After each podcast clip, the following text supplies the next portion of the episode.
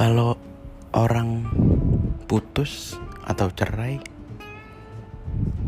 kan kadang suka ngucapin semoga bahagia ya tanpa aku dengan pasanganmu yang baru semoga bahagia ya kalau masih pacaran itu oke okay. nah kalau um, suami istri terus cerai terus mantannya nikah lagi. Dan kita harus ngucapin semoga bahagia ya. Pakai emot senyum itu tuh beneran seikhlas itu serela itu. Dan apakah emot senyumnya bener-bener senyum